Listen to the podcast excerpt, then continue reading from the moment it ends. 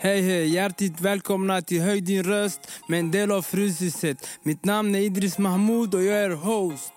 Hjärtligt välkomna. Vi kommer ha olika politiker från Stadshuset hela vägen upp till riksdagen. Så sätt er ner, spänn fast säkerhetsbältet. Welcome!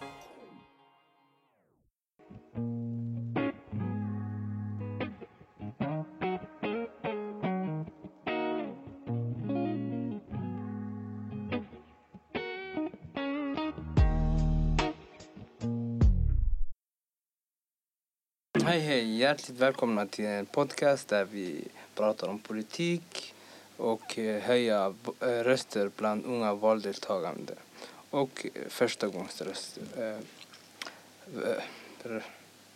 Förstagångsväljare eller röstare, rättare sagt. Förlåt för mig, lite tidig idag men vi kör på. Här har jag med mig Malin Ahlström från Moderata ungdomsförbundet. Välkommen Malin. Eh, vad gjorde Malin innan hon blev politiker?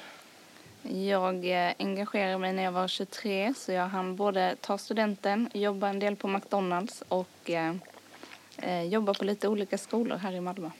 Okej, eh, varför valde du att bli politiker?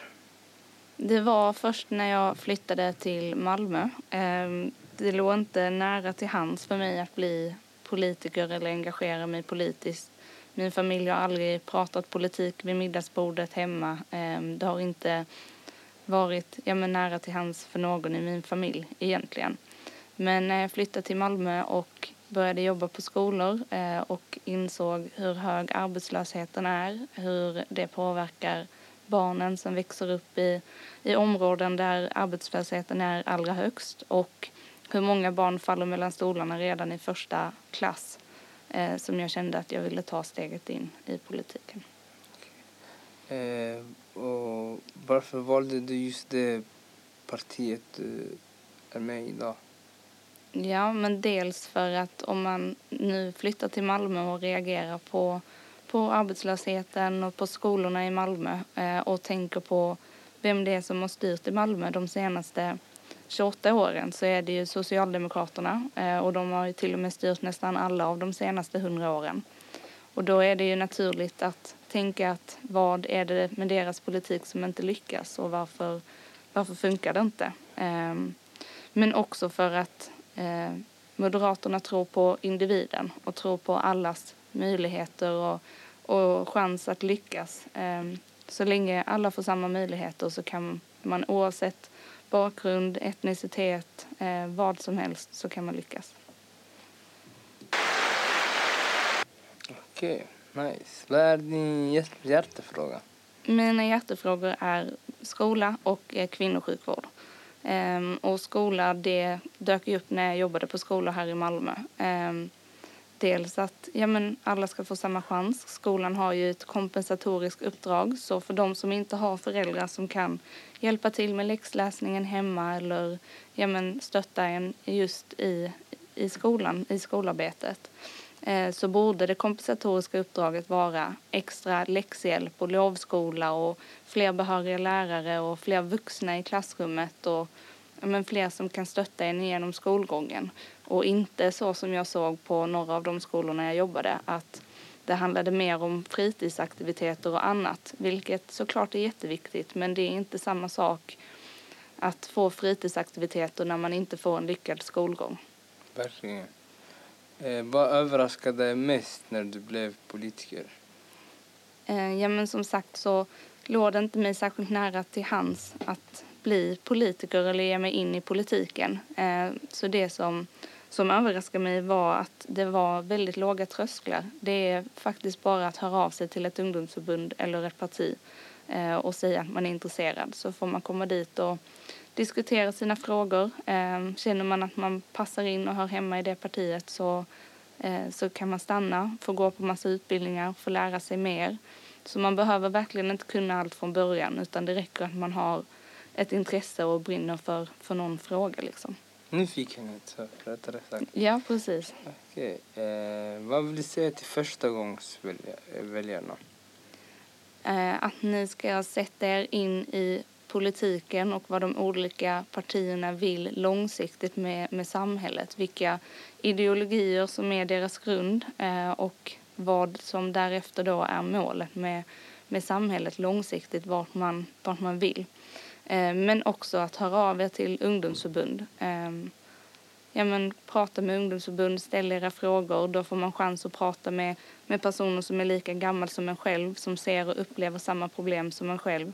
Um, och framför allt att man ska gå och rösta. Okay. Eh, varför tror du det är så lågt valdeltagande eh, i socioekonomiskt utsatta områden?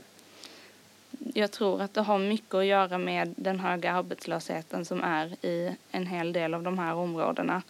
Ehm, för har man ett jobb att gå till så har man ett sammanhang, man får kollegor och får känna samhörighet, man känner att man är en del av samhället.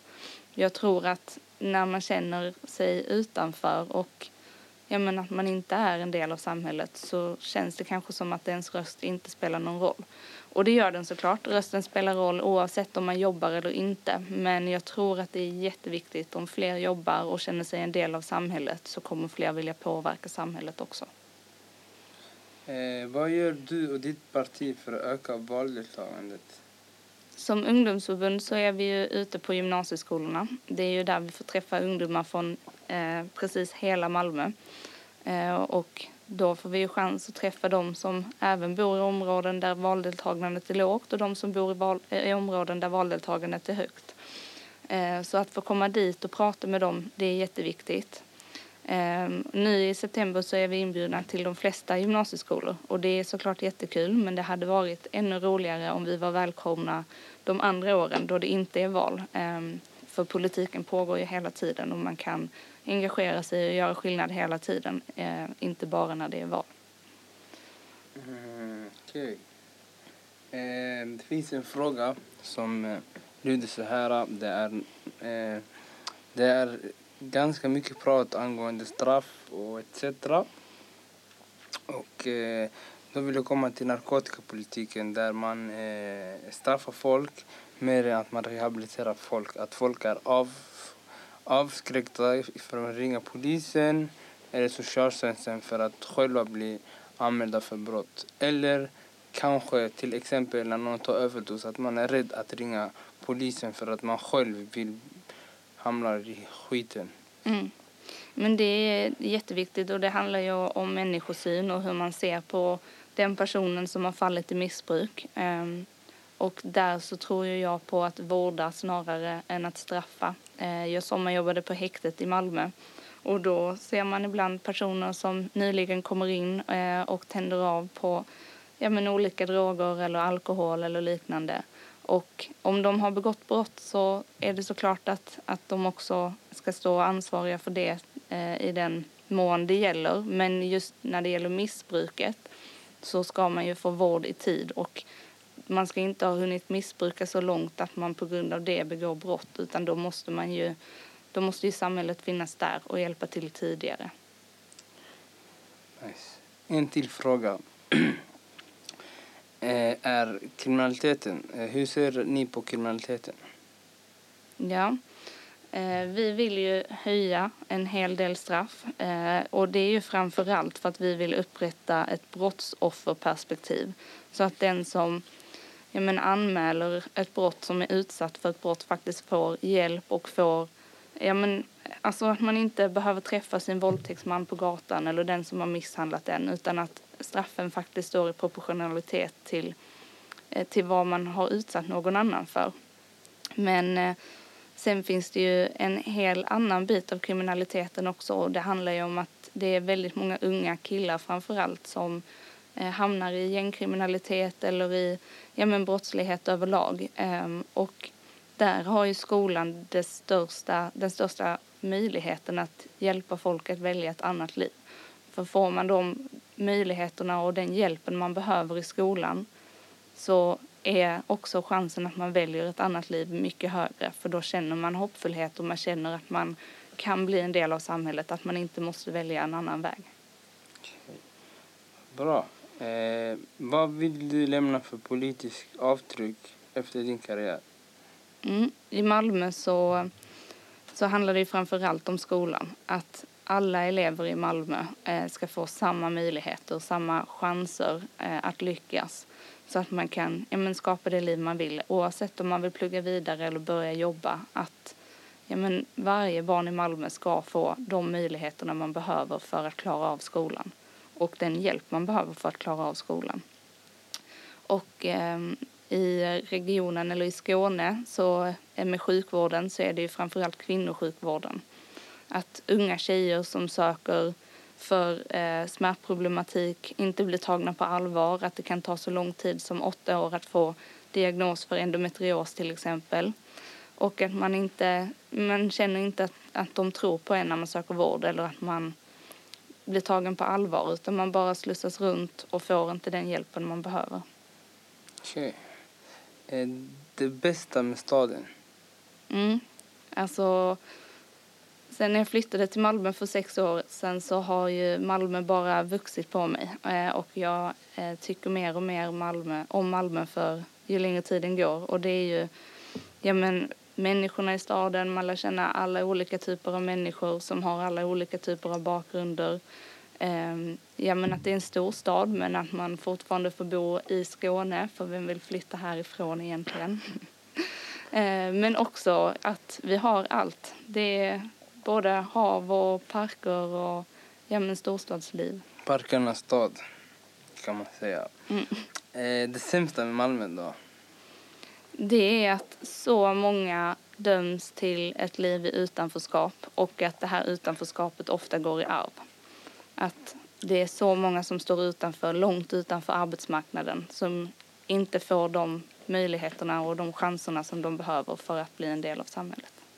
Verkligen. Jättetrevligt att ha det här. Det har varit ett ganska intressant samtalsämne med dig här. Och jag uppskattar att du lyckas i livet och att du kan föra fram din politik och att du inte ändras på vägen när du är i toppen. Och du kommer ihåg vårt samtal idag och kan lyssna på det här om tio år och tänka oh, okej, okay, jag gjorde det. Ja. Jag vill inte se dig på andra sidan. Nej, absolut. Detsamma. Tack så hemskt mycket. Ha en trevlig dag.